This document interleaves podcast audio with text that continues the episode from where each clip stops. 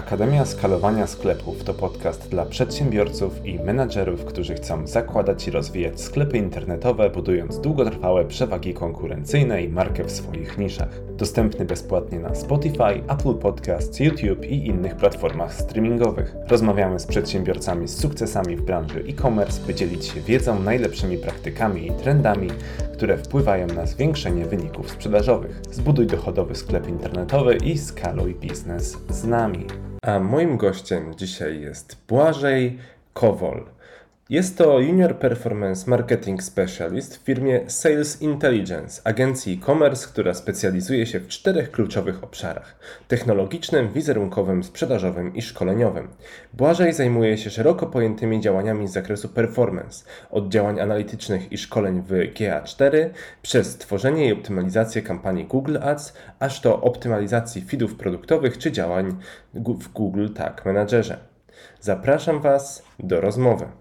Hej Wam, witam wszystkie osoby, które nas oglądają na YouTube lub słuchają na jakiejkolwiek platformie streamingowej, a ja, ja dzisiaj jestem z Błażejem, który opowie nam trochę o Google Analytics 4, czyli temacie, który jest, a jeżeli nie jest, to powinien być na tapecie większości sklepów internetowych w Polsce i nie tylko. E, Błażej, powiedz mi, jak Google Analytics 4, żebyś mógł wprowadzić, tak? Bo część osób może kojarzyć Google Analytics, część już Google Analytics 4. Czym się różni Google e, GA4 od poprzednich wersji? Jakie są kluczowe korzyści przejścia na tę e, platformę dla sklepów internetowych?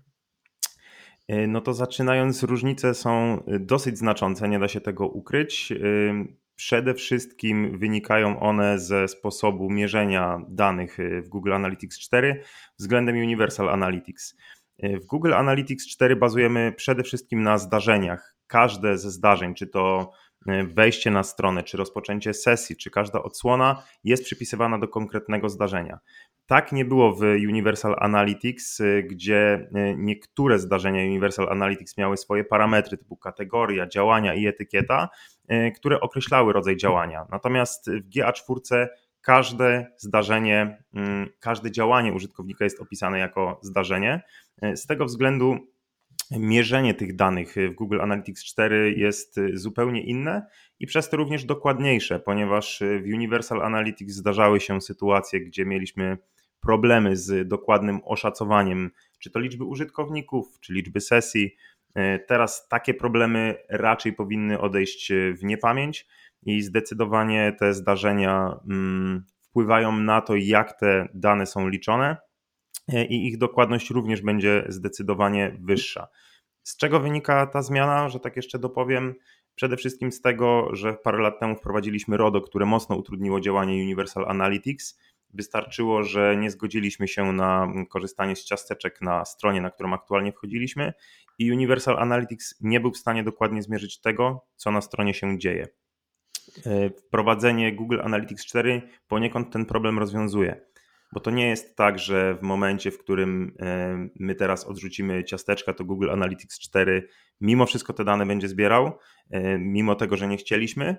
Mm, natomiast Google Analytics 4 wykorzystuje coś, czego Universal Analytics nie miał. Jest to uczenie maszynowe i na podstawie wielu setek, miliardów, tryliardów danych, niezliczonej ich ilości, jest w stanie przewidzieć, jak zachowa się dany użytkownik, mimo tego, gdy odrzuci on e, zgody na naszej stronie.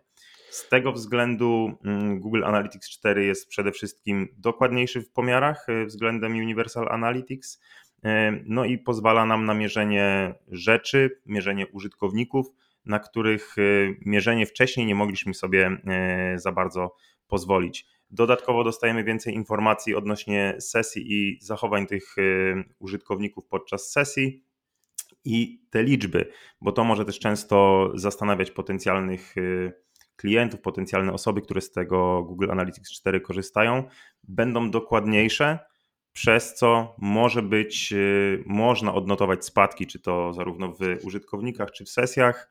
E, natomiast y, to jest y, jakby powiązane z tym, że te dane są zbierane dokładniej i mamy więcej jakościowych danych w tym momencie w zestawieniu Google Analytics 4 z Universalem.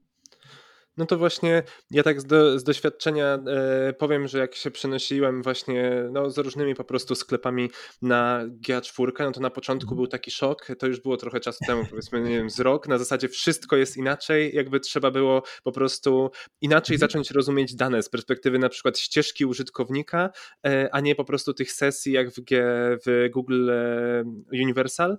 E, no i później, ale później z perspektywy czasu jakby znacznie fajniej się analizuje po prostu te ścieżki użytkownika, to właśnie e, te indywidualne raporty, które można właśnie dowolnie e, sobie personalizować w GA4 i po prostu to, co, no to, co wcześniej po prostu w Universalu jakby było takie niedoskonałe, tak po prostu po czasie, ale to powiedzmy po paru miesiącach w GA4 jakby ona dopiero po paru miesiącach była dla mnie taka jasna, taka, że okej, okay, dobra, to faktycznie ma sens. Pierwsze, pierwsze wrażenie było takie, Boże, to jest koszmar, ale później po prostu e, to tak mocno weszło, no oczywiście przy odpowiedniej konfiguracji, e, zmianach i tak dalej. I szczególnie w sklepach internetowych, dla których ważne są po prostu takie rzeczy, które można wyciągnąć z GA4, jakieś takie właśnie no, pojedyncze produkty, jakieś takie właśnie raporty e-commerce, to bardzo fajnie tam e, wygląda. Tak, skoro... ja tutaj, ja tutaj mhm. tylko ci wejdę właśnie słowo, bo to jest ten problem, że Universal Analytics y, jaki był, taki był, ale znaliśmy go przez wiele lat, a Google Analytics 4 był zupełną nowością i przyzwyczajenie się po praktycznie 20 latach korzystania z Universal Analytics nagle do tego, co oferuje i jakie możliwości daje nam Google Analytics 4, do tego zupełnie innego interfejsu, jest naprawdę trudne. Zwłaszcza, że Google Analytics 4 w tej wersji standardowej, którą otrzymujemy za każdym razem po założeniu konta, no nie jest najlepszy. Nie da się ukryć, bo dużą zaletą GA4 jest to, że możemy sobie sami układać raporty i tworzyć konto tak, jak my chcemy, ale to, co dostajemy predefiniowane, no nie służy do niczego, szczerze powiedziawszy, bo jeżeli tak. sami sobie tego dobrze nie ułożymy, no to niestety te działania zawsze będą, e, zawsze będzie nam się wydawać, że tutaj czegoś nie ma, tutaj czegoś brakuje, więc e, tak jak mówisz, trzeba się troszeczkę przyzwyczaić, e, ale jak już to zrobimy, to GA4 na pewno odwdzięczy się przyjemnym działaniem. Ja szczerze powiedziawszy wolę korzystać już z GA4 niż z UA, bo jest dla mnie czytelniejsza, łatwiejsza w obsłudze i przede wszystkim tworzenie niektórych raportów oraz segmentów jest zdecydowanie przyjemniejsze niż to było w UA. Tak, to, to prawda, ale też właśnie, no też spotykam się z firmami, gdzie powiedzmy wdrożone zostało GA4 i oprócz tego, że po prostu musiała zostać wdrożona, no to też nagrywałem filmik, słuchajcie, musicie nauczyć się rozumieć to w ten sposób i patrzeć na to i na to i na to i na to.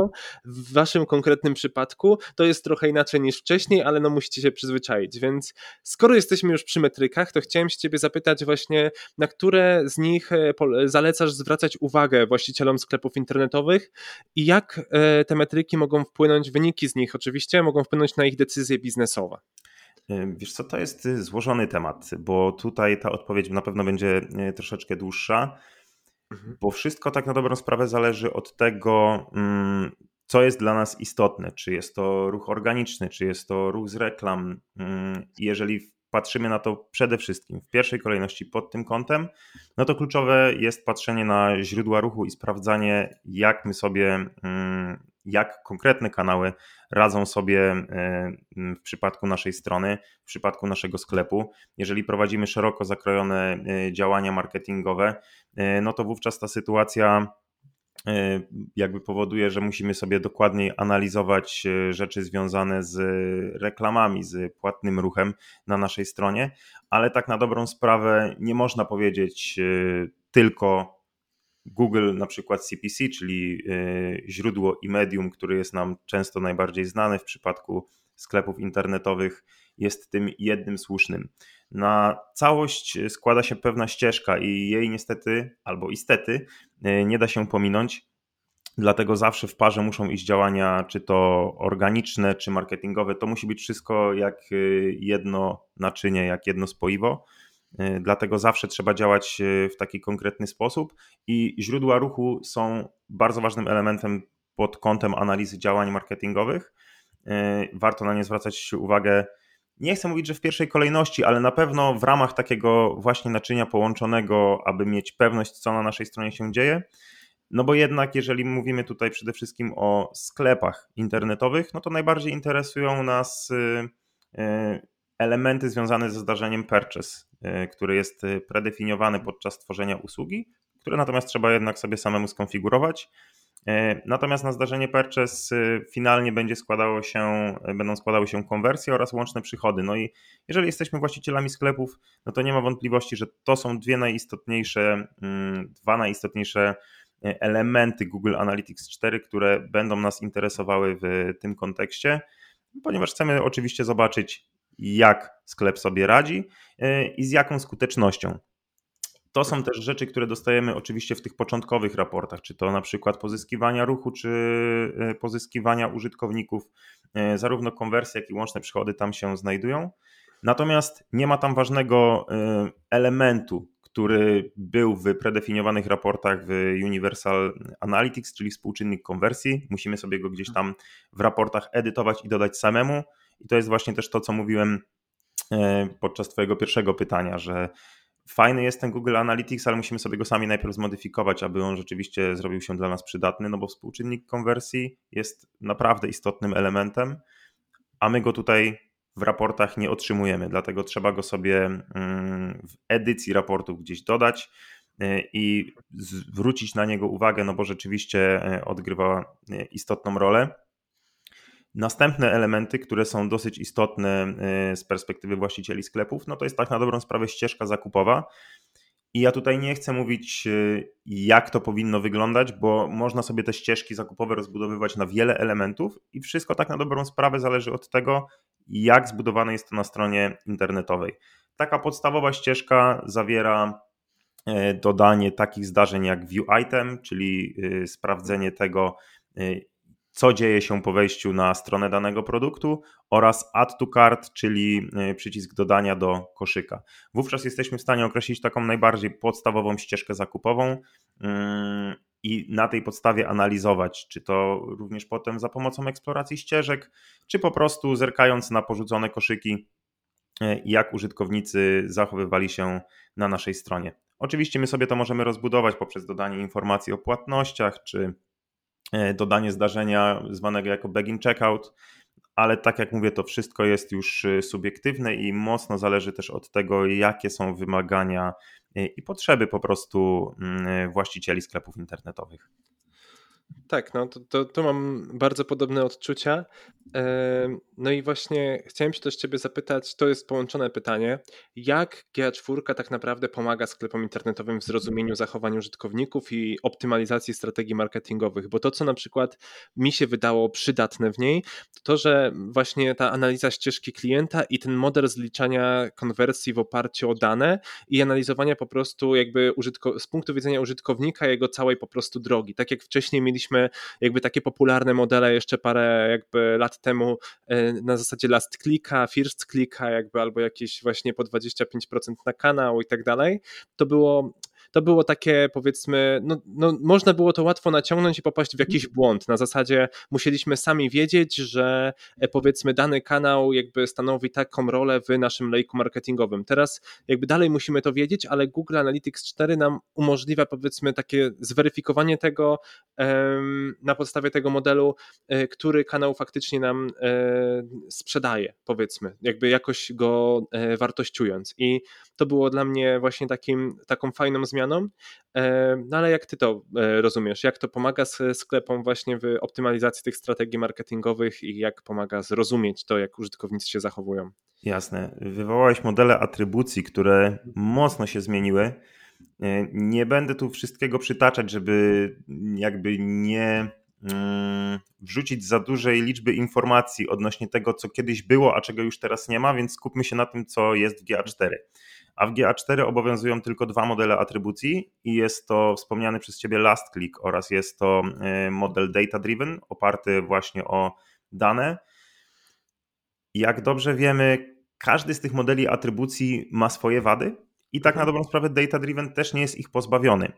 Tak. Ale e, możemy na to spojrzeć w ten sposób, że e, jest on najbardziej zbliżony do ideału, który jest nam w tym momencie potrzebny bo last click zupełnie pomija wszystkie elementy ścieżki, które wydarzyły się wcześniej co zwłaszcza w przypadku sklepów, które oferują produkty dosyć drogie, jest bardzo nieuczciwe wobec tego, co działo się na początku ścieżki. Bo jeżeli mamy produkty, dajmy na to, kupujemy jakiś kosmetyk za wiem, 20 zł na przykład, no to ta ścieżka jest stosunkowo krótka. Wiemy, co chcemy zrobić, wiemy, jak chcemy go kupić mm, i nie zastanawiamy się nad tym dwa razy. Natomiast jeżeli kupujemy na przykład zestaw mebli za 3, 4, 5 tysięcy, ile teraz zestawy mebli kosztują, no to wówczas ta ścieżka jest dużo dłuższa, bo my poszukujemy w internecie, sprawdzamy najlepsze opcje, analizujemy niekiedy to dwu i trzykrotnie i wówczas last click jest złym rozwiązaniem, bo on nie zwraca uwagi na to, co działo się wcześniej, a to, że na stronie internetowej użytkownik pojawił się na przykład trzykrotnie czy czterokrotnie wcześniej, aby ten produkt dokładnie sprawdzić, przeanalizować, w ogóle nie jest brany pod uwagę. Dlatego data driven ten problem poniekąd rozwiązuje, natomiast, y, tak jak mówię, no to też nie jest idealne, bo jednak zdajemy się y, na te systemy uczące się na te y, uczenie maszynowe, które wykorzystuje Google. No i pytanie tylko tak na dobrą sprawę zależy, wszystko zależy tak na dobrą sprawę od nas i musimy zadać sobie pytanie, czy to jest dla nas satysfakcjonujące. Dla mnie osobiście jest. Uważam, że data driven jest najlepszym rozwiązaniem w tym momencie. Zwłaszcza jeżeli zadamy sobie pytanie odnośnie tego, jak my prowadzimy nasz biznes i co sprzedajemy. Jeżeli te produkty są drogie, no to data driven jest must have'em, moim zdaniem w tym wypadku, a last click jest y, ciekawym dodatkiem. My sobie możemy y, w Google Analytics 4 te dane zresztą porównać, bo y, znajdują się takie raporty, które porównują te modele, sprawdzają w jaki sposób radzi sobie dany kanał, czy to przez ostatnie kliknięcie, czy na podstawie danych. I te różnice często, często są mm, minimalne, natomiast warto o tym pamiętać, że one jednak gdzieś tam się znajdują e, i jednak ten data driven zwraca bardziej uwagę na ruch z kampanii płatnych, e, co moim zdaniem jest jednak uczciwsze, bo często wyszukując jakiś produkt, wyszukując cokolwiek w wyszukiwarce, no reklamy są jako pierwsze. No i jeżeli coś takiego pominiemy w modelu last click, no to wówczas no, troszeczkę zakłamujemy rzeczywistość, ponieważ to też odegrało istotną rolę, być może nawet najważniejszą.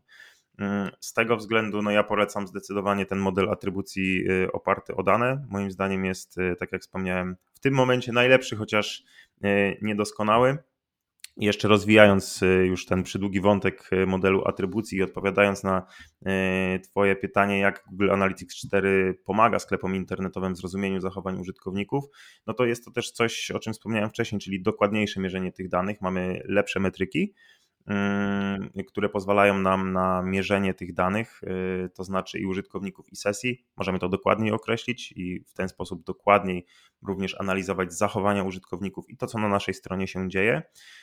Dodatkowo takie metryki jak powracający użytkownicy, czy sesje z zaangażowaniem, e, albo sesje, e, średni czas zaangażowania na sesję, e, wszystko to ma teraz większe znaczenie, bo mamy dokładniejsze dane. Kiedyś mieliśmy na przykład problem z dokładnym określeniem mm, średniego czasu sesji, ponieważ te liczby były mocno zakłamane. Ze względu na to, no nie będę tutaj jakoś głęboko wchodził w te definicje, natomiast często mieliśmy taki problem, że pomimo przebywania przez dłuższy czas na stronie i nie wykonania żadnego ruchu Universal i wyjściu z tej strony, to Universal Analytics y, traktował taką sesję jako odrzuconą i w ogóle nie brał pod uwagę czasu jej trwania. Natomiast teraz Google Analytics 4 rozwiązał poniekąd ten problem, wprowadzając coś takiego jak sesję z zaangażowaniem.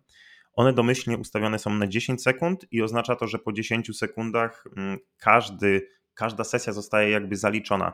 E, w zasadzie od tego, jaki ruch na tej stronie wykonamy. Możemy zrobić po prostu scrolla i przewinąć e, stronę niżej, e, albo po prostu być na tej stronie powyżej 10 sekund. Wówczas zostaniemy zliczeni jako użytkownik z sesją zaangażowaną. To pozwala nam też dokładniej określić współczynnik zaangażowania, e, który poniekąd zastąpił współczynnik odrzuceń w Google Analytics 4 e, i sprawdzamy dzięki temu również e, rzeczywisty średni czas sesji na naszej stronie.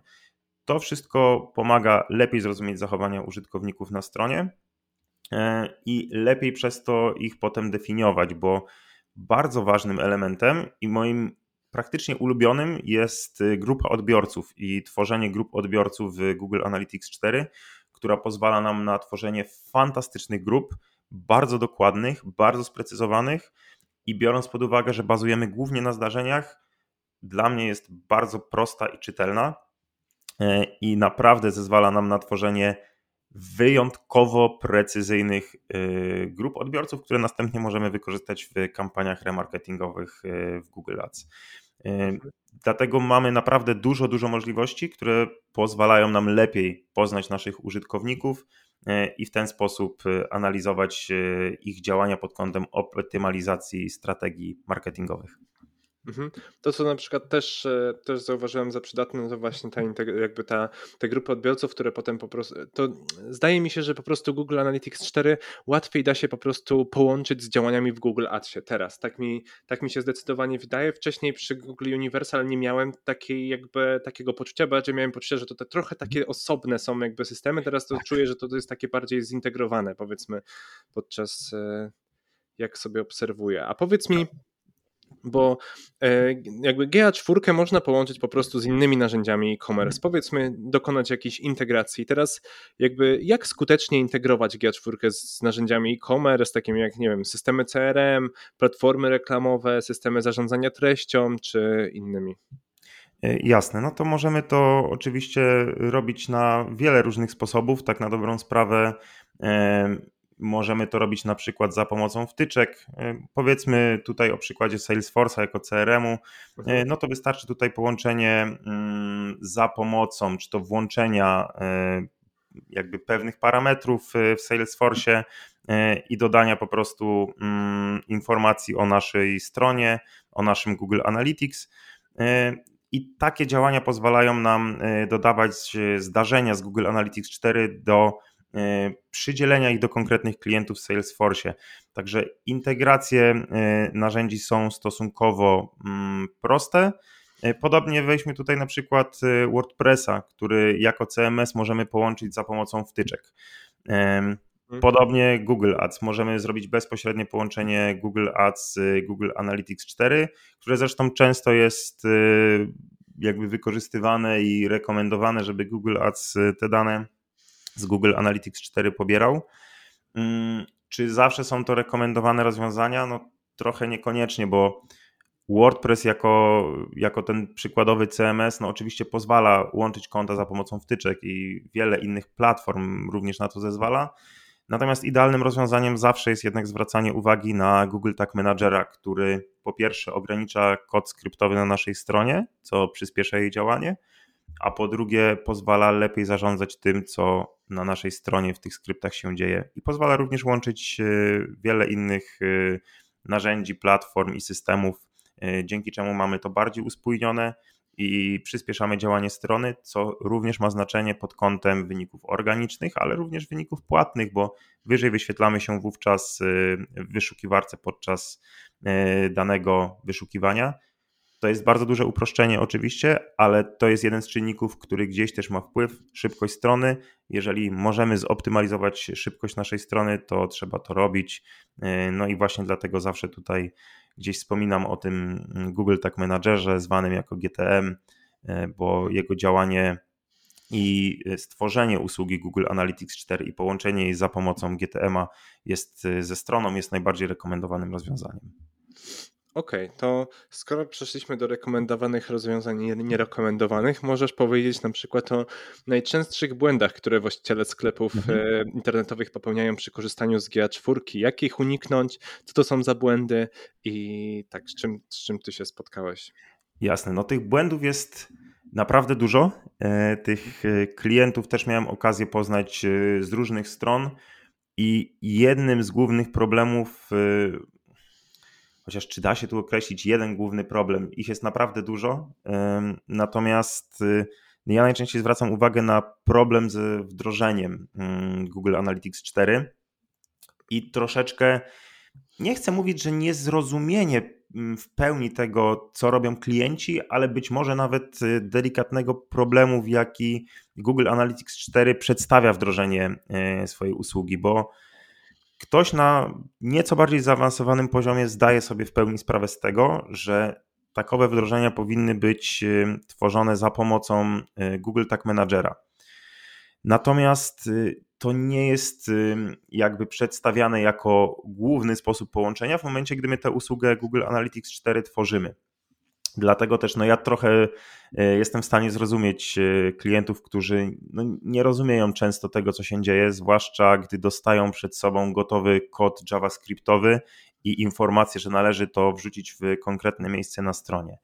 Czy to zadziała? No zadziała, ale tak jak właśnie wspominałem, lepiej robić to za pomocą GTM-a, bo to po pierwsze upraszcza nam te rozwiązanie, a po drugie daje nam dużo więcej możliwości, jeśli chodzi o działania i pewnego rodzaju wdrożenia.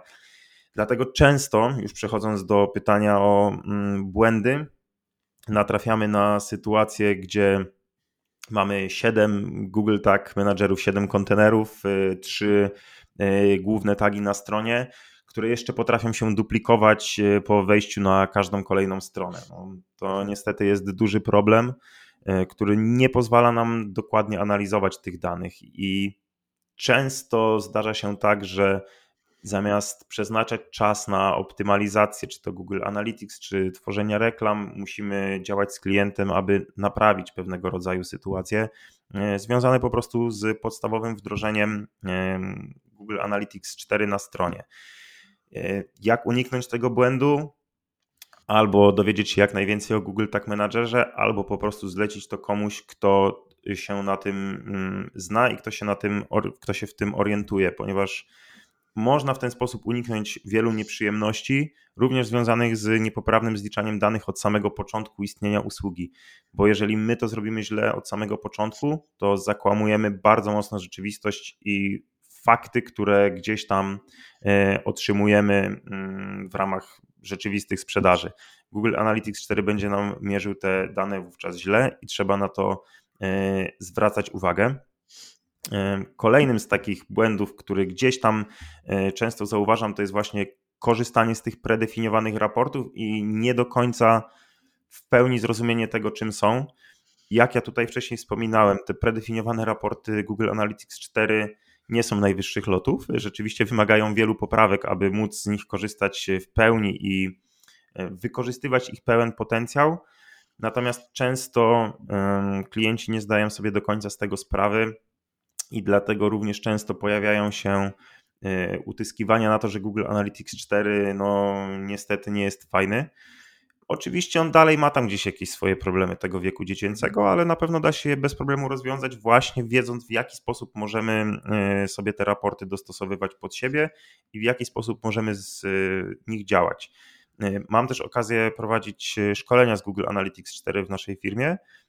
I właśnie często zauważam, że użytkownicy, klienci potencjalni, oni sobie po prostu nie zdają sprawy z tego, jakie możliwości oferuje Google Analytics 4 i jak pewne rzeczy zmienić, ponieważ ta nawigacja, jak wcześniej o tym rozmawialiśmy, no jest stosunkowo trudna dla kogoś, kto przez praktycznie 20 lat korzystał z Universal Analytics. Dlatego trzeba się po prostu oswoić, e, trzeba się przyzwyczaić i w momencie, jak e, zostanie nam wytłumaczone, w jaki sposób te raporty tworzyć, jesteśmy w stanie unikać e, złej analizy danych. Trzeba również pamiętać, y, i to jest kolejny element, o różnicach między Google Analytics 4 i Universal Analytics, bo ktoś może zerknąć na dane z jednego i drugiego źródła historycznie i zobaczyć bardzo duże spadki w przypadku liczby użytkowników i sesji. I tak jak tutaj wspominałem, ta metodologia się zmieniła w Google Analytics 4, dlatego teraz te liczby powinny być mniejsze, ale dokładniejsze. Jeżeli klienci nie są tego świadomi, no to potrafią podejmować nieracjonalne decyzje w oparciu właśnie o różnice e, między Universal Analytics a Google Analytics 4, które wynikają po prostu ze zmiany metodologii, a nie z jakichś problemów na platformie. E, więc nie ma tutaj co e, szukać kwadratury koła na nowo, po prostu zostawmy to tak jak jest, dowiedzmy się jak najwięcej i trzeba po prostu się przyzwyczaić do tego, że niektóre, niektóre elementy będą wyglądały nieco inaczej, ale za to będą dokładniejsze w Google Analytics 4. Mhm. Kolejnym elementem, e, troszeczkę tego jest, e, ale no rzeczywiście te, te błędy gdzieś się powtarzają i warto od samego początku zwrócić na nie uwagę. E, kolejnym elementem jest właśnie wykorzystanie modelu atrybucji, o którym wcześniej tutaj opowiadałem. Co to znaczy? To znaczy, że my możemy sprawdzać wyniki o przychodach w trzech miejscach i one, czy nawet w czterech miejscach, jeśli policzymy eksplorację, ale skupmy się najpierw na raportach, bo tam możemy na dobrą sprawę właśnie w trzech miejscach sprawdzić, jak prezentują się wyniki i przychody naszego sklepu. E, jest to pozyskiwanie ruchu, jest to pozyskiwanie użytkowników e, i są to konwersje w zaangażowaniu. I czym to się różni? Różni się to tym, że e, konwersje w raporcie zaangażowanie wskazują nam łączne przychody oparte o model mm, atrybucji data-driven, natomiast te w pozyskiwaniu ruchu i użytkowników bazują na last clicku. Dlatego analizując te dane, trzeba mieć to na uwadze i wiedzieć, że te różnice mogą gdzieś występować. E, czy to właśnie e, w jednym, czy to w drugim. Warto wiedzieć, że te raporty mogą się między sobą różnić, e, a niestety nie każdy zdaje sobie z tego sprawę. Jaką ostatnią rzeczą jest, jakim ostatnim błędem jest korzystanie z GA4 przez klientów, to niewykluczenie bramek płatniczych, zwłaszcza w przypadku sklepów internetowych, które bardzo, bardzo, bardzo mocno zaburzają wyniki, które rzeczywiście jesteśmy w stanie e, uzyskiwać z Google Analytics 4. Jeżeli to, to nie jest tak, że to jest działanie rekomendowane w zasadzie od samego początku, ale im szybciej to zrobimy, tym lepiej, zwłaszcza jeżeli na tych bramkach płatniczych e, mocno bazujemy. Im szybciej wykluczymy je wszystkie, tym dostaniemy dokładniejszy raport e, i będziemy w stanie czytelniej analizować dane, które e, w naszych raportach się znajdują. Dlatego warto zająć się tym na samym początku. Podobnie jak, podobnie jak warto zwrócić uwagę też na mm, włączenie Google Signals e, na samym początku to też jest istotna sprawa. Jeżeli tego nie zrobimy, to pozbawimy się możliwości korzystania z mm, tworzenia grup odbiorców, a co za tym idzie, tworzenia e, kampanii remarketingowych. Jak tego uniknąć? No standardowo musimy zdobywać jak największą wiedzę, ale też warto, myślę, tutaj zawierzyć na początku specjalistom, którzy gdzieś wytłumaczą to działanie Google Analytics 4 na samym początku i zbudują, mm, zbudują konto użytkownika w taki sposób, aby ten dokładnie korzystał z tego, co jest mu rzeczywiście potrzebne. Wówczas nauka będzie zdecydowanie prostsza, a raporty będą ograniczone do takiej liczby, aby móc z nich po prostu efektywnie korzystać. Trochę mhm. przydługa odpowiedź, ale dużo wątków się tutaj pojawiło. Ale to, to jak najbardziej przydatne, to nawet właśnie jak ja słuchałem, no to dużo sklepów internetowych może wynieść e, z tego wartościowe informacje. Na pewno, no jeżeli, jeżeli faktycznie mierzycie cokolwiek z pomocą Google Analytics 4, to przechodząc punkt po punkcie po tych błędach właśnie, które wymienił Błażej, możecie zobaczyć, czy jest jeszcze coś do usprawnienia w waszych raportach, a lepsze dane to po prostu lepsze decyzje biznesowe odnośnie działań marketingowych, oszczędzone pieniądze i e, wiele innych. Powiedz mi, takie już moje ostatnie pytanie. Trochę zahaczyłeś właśnie o to wcześniej już, ale na, chciałem zapytać Ciebie o takie najlepsze praktyki, jeżeli chciałbyś wspomnieć, które sklepy internetowe mhm. powinny podjąć przy wdrażaniu i korzystaniu z Google Analytics 4. I domyślam się, że pierwszą z nich jest niepopełnianie tych błędów i zrobienie na odwrót, ale jeżeli, jeżeli chciałbyś coś dodać, to, e, to chętnie tutaj posłucham. Jasne. Nie, no wiesz co, możemy postawić kropkę, już w zasadzie powiedziałeś wszystko, e, a już tak e, poważnie mówiąc, no to najlepsza praktyka to mam tu gdzieś nawet e, zaznaczone, że Google Tag Manager jest kluczowy, kluczowy i powinniśmy z niego korzystać od samego początku i to jest zdecydowanie najlepsza praktyka, bo ona wpływa od samego początku wielotorowo na działanie naszej strony, i to, w jaki sposób my będziemy e, w stanie analizować wszystkie dane, które na naszej stronie się znajdują. Dlatego podstawową rekomendacją jest wdrażanie Google Analytics 4 za pomocą Google Tag Managera i tworzenie wszelkich zdarzeń w zasadzie, bo tak jak mówiłem, e, purchase jest gdzieś predefiniowany, ale musimy go sami ustawić, aby on zaczął poprawnie działać. Mhm. Oraz dodawanie takich zdarzeń jak add to cart czy view item, również wykonywanie ich za pomocą Google Tag Managera. Tam powinna się znajdować cała logika naszej strony, a Google Analytics 4 powinien tylko te dane odbierać. E, dlatego to jest moja podstawowa, główna e, rekomendacja i zakładam, że to jest takie 80% ważności, ten Google Tag Manager. Natomiast jeśli mówimy też o samych działaniach na koncie Google Analytics 4, to również jest parę rzeczy, które tutaj trzeba zrobić na samym początku, aby rzeczywiście mm, nasza usługa działała od startu tak, jakbyśmy tego chcieli. I tak jak wspomniałeś poniekąd, gdzieś już tam mm, ten temat poruszyłem, ale tutaj można te wątki jeszcze e, troszeczkę rozwinąć. Na pewno ten Google Signals e, jest podstawowym elementem, bo on pozwala nam na tworzenie list na grupy odbiorców, a następnie list marketingowych, jak wspominałem, mm, ale również jego włączenie daje nam dużo więcej możliwości, jeśli chodzi o działanie e, z danymi modelowanymi. Dlatego Google Signals jest tak istotnym elementem. E, który powinien zostać włączony już na samym początku. E, można to też sprawdzić w konfiguracji asystenta Google Analytics. Jeżeli mamy jakiekolwiek wątpliwości, to tam warto sobie zerknąć na te elementy, które warto zrobić. One gdzieś tam są wyszczególnione, nie wszystkie rzeczywiście są aż tak dobrze podane na tacy, ale ten Google Signals rzeczywiście tam jest i warto na niego zwrócić uwagę. Drugim elementem jest przechowywanie danych które domyślnie ustawione jest na dwa miesiące, a możemy je zmienić na 14 miesięcy. No i ktoś może tutaj zadać pytanie, no ale halo, przecież wszystko w raportach zbiera się od momentu utworzenia usługi, więc po co to jest? No i rzeczywiście tak jest. Dane w raportach będą zbierały się mm, od momentu utworzenia przez nas usługi, ale przechowywanie danych dotyczy nie raportów, a eksploracji, które bazuje na y, większej liczbie danych, y, bazuje na E, danych, które możemy sobie analizować w nieco inny sposób i więcej nieprzetworzonych danych jesteśmy w stanie w eksploracji przetworzyć i sprawdzić. Dlatego, jeżeli jesteśmy na przykład ja często wykorzystuję e, eksplorację do analizy jakichś błędów na stronach e, i sprawdzania tego, co na przykład nie działa i co możemy jeszcze poprawić.